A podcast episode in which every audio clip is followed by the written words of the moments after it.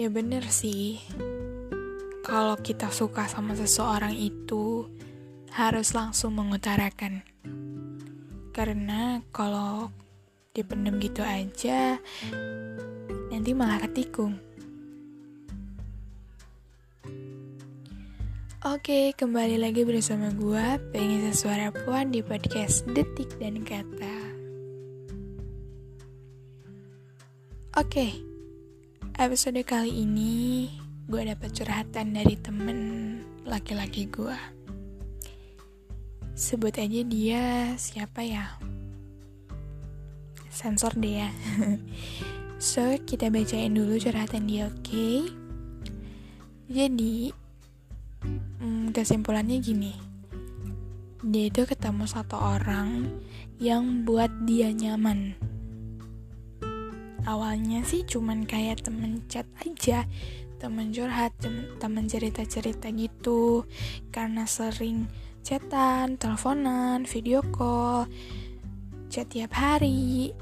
Terus juga intinya sering cerita ini itu saling terbuka satu sama lain.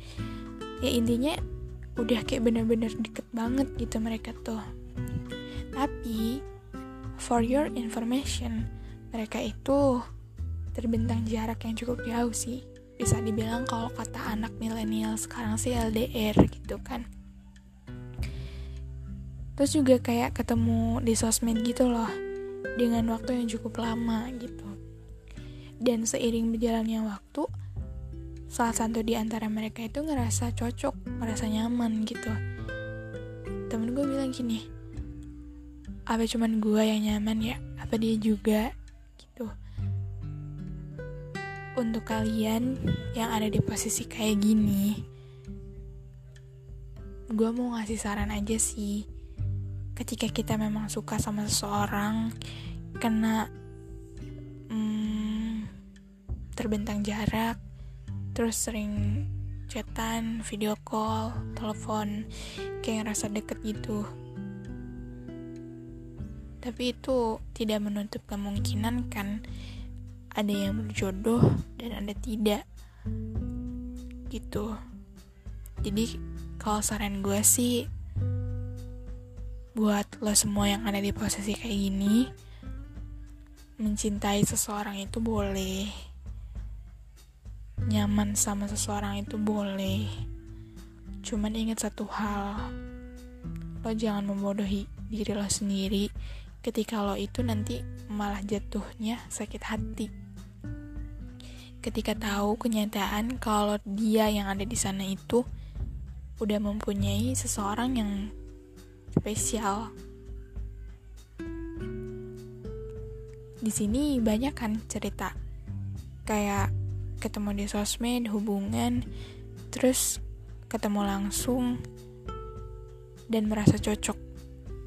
Ada juga yang ketemu di sosmed, ketemu langsung tahu-tahu di salah salah satu di antara kalian udah ada yang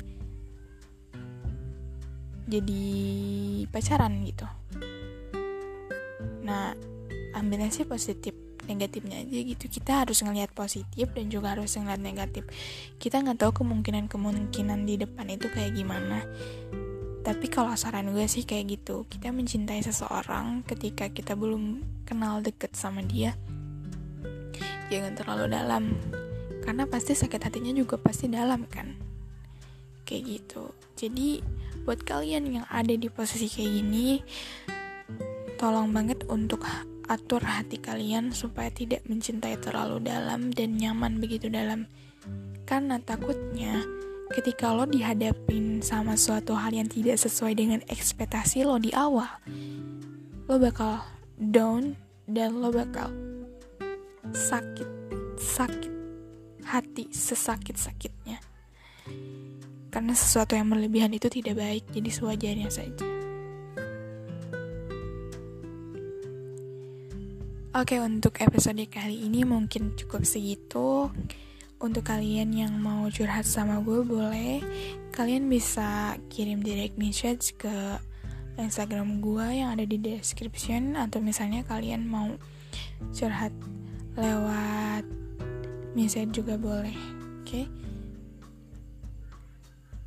Gue Puan undur diri dari podcast Detik Kata. Selamat malam dan aku minta maaf kalau misalnya ada suara-suara yang ganggu. Oke, terima kasih. Sampai ketemu di episode selanjutnya. Dadah.